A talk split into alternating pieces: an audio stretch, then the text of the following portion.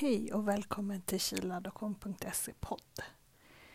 Det här avsnittet handlar om en dokumentär som kommer på P4 på onsdagen den 20 maj klockan 06 så släpps den som podd och den sänds på söndag den 24 maj klockan 12.03 P4. Eh, det är föreningens eh, Claes Lindholm som har berättat sin historia eh, för Mariella Quintana Melin. Ehm, och vi är jättetacksamma för att du har berättat din historia. Det är så himla viktigt att våra berättelser kommer fram. Och vi vet också hur otroligt jobbigt det är att berätta och dela. Så här kan man läsa introduktionen till avsnittet på, eller dokumentären P4, i P4. Citat.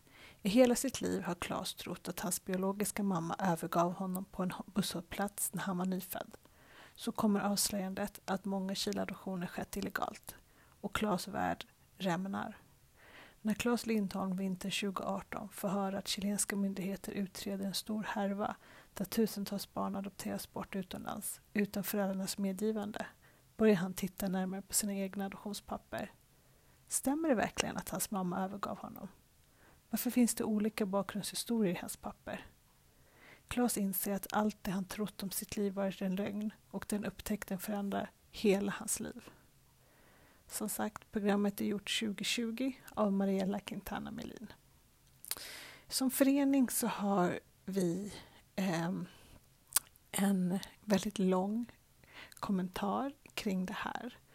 Eh, vi ser jättemycket fram emot att lyssna på Klas historia och eh, jag kommer läsa vad vi som förening har skrivit ihop som vi vill kommer ut också i samband med det här. De senaste två och ett halvt åren har vi svenska Chileadopterade fått reda på våra riktiga sanna historier, vad som verkligen hände i Chile för att vi skulle kunna skickas till Sverige för att adopteras. Svenska Adoptionscentrum arbetade i Chile på den här tiden och drygt 2000 barn kunde föras ut ur Chile och tas till Sverige genom den organisationen. Ytterligare cirka 200 barn kom med privata aktörer som till exempel frikyrkor. Föreningen Chileadoption.se arbetar för att man i Sverige ska tillsätta en oberoende statlig utredning för att se över hur den svenska processen som gjorde det möjligt att barnen kunde komma till Sverige med falska dokument utan medgivande från första föräldrarna för att sedan adopteras i svenska tingsrätter. Under 2019 har en chilensk tvärpolitisk utredning om olagliga adoptioner genomförts och slutförts i Chiles andra kammare, som är Chiles riksdag, och även godkänts av ledamöterna i kammaren.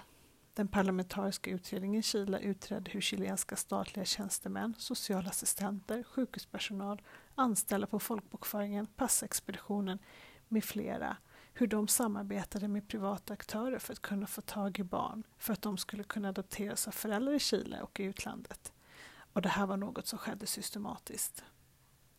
När en sån här utredning görs i Chiles riksdag och fastställer hur handel med barn kunde ske vilket ansvar har då våra svenska folkvalda politiker och staten att ta del av den här informationen som finns från Chile för att se över vad som gick fel här i Sverige? Vi var ju helt uppenbart inte övergivna, bortlämnade eller bortvalda som vi har fått berättat för oss. Dessutom så pågår ju en brottsutredning i appellationsdomstolen i Chile sedan februari 2018.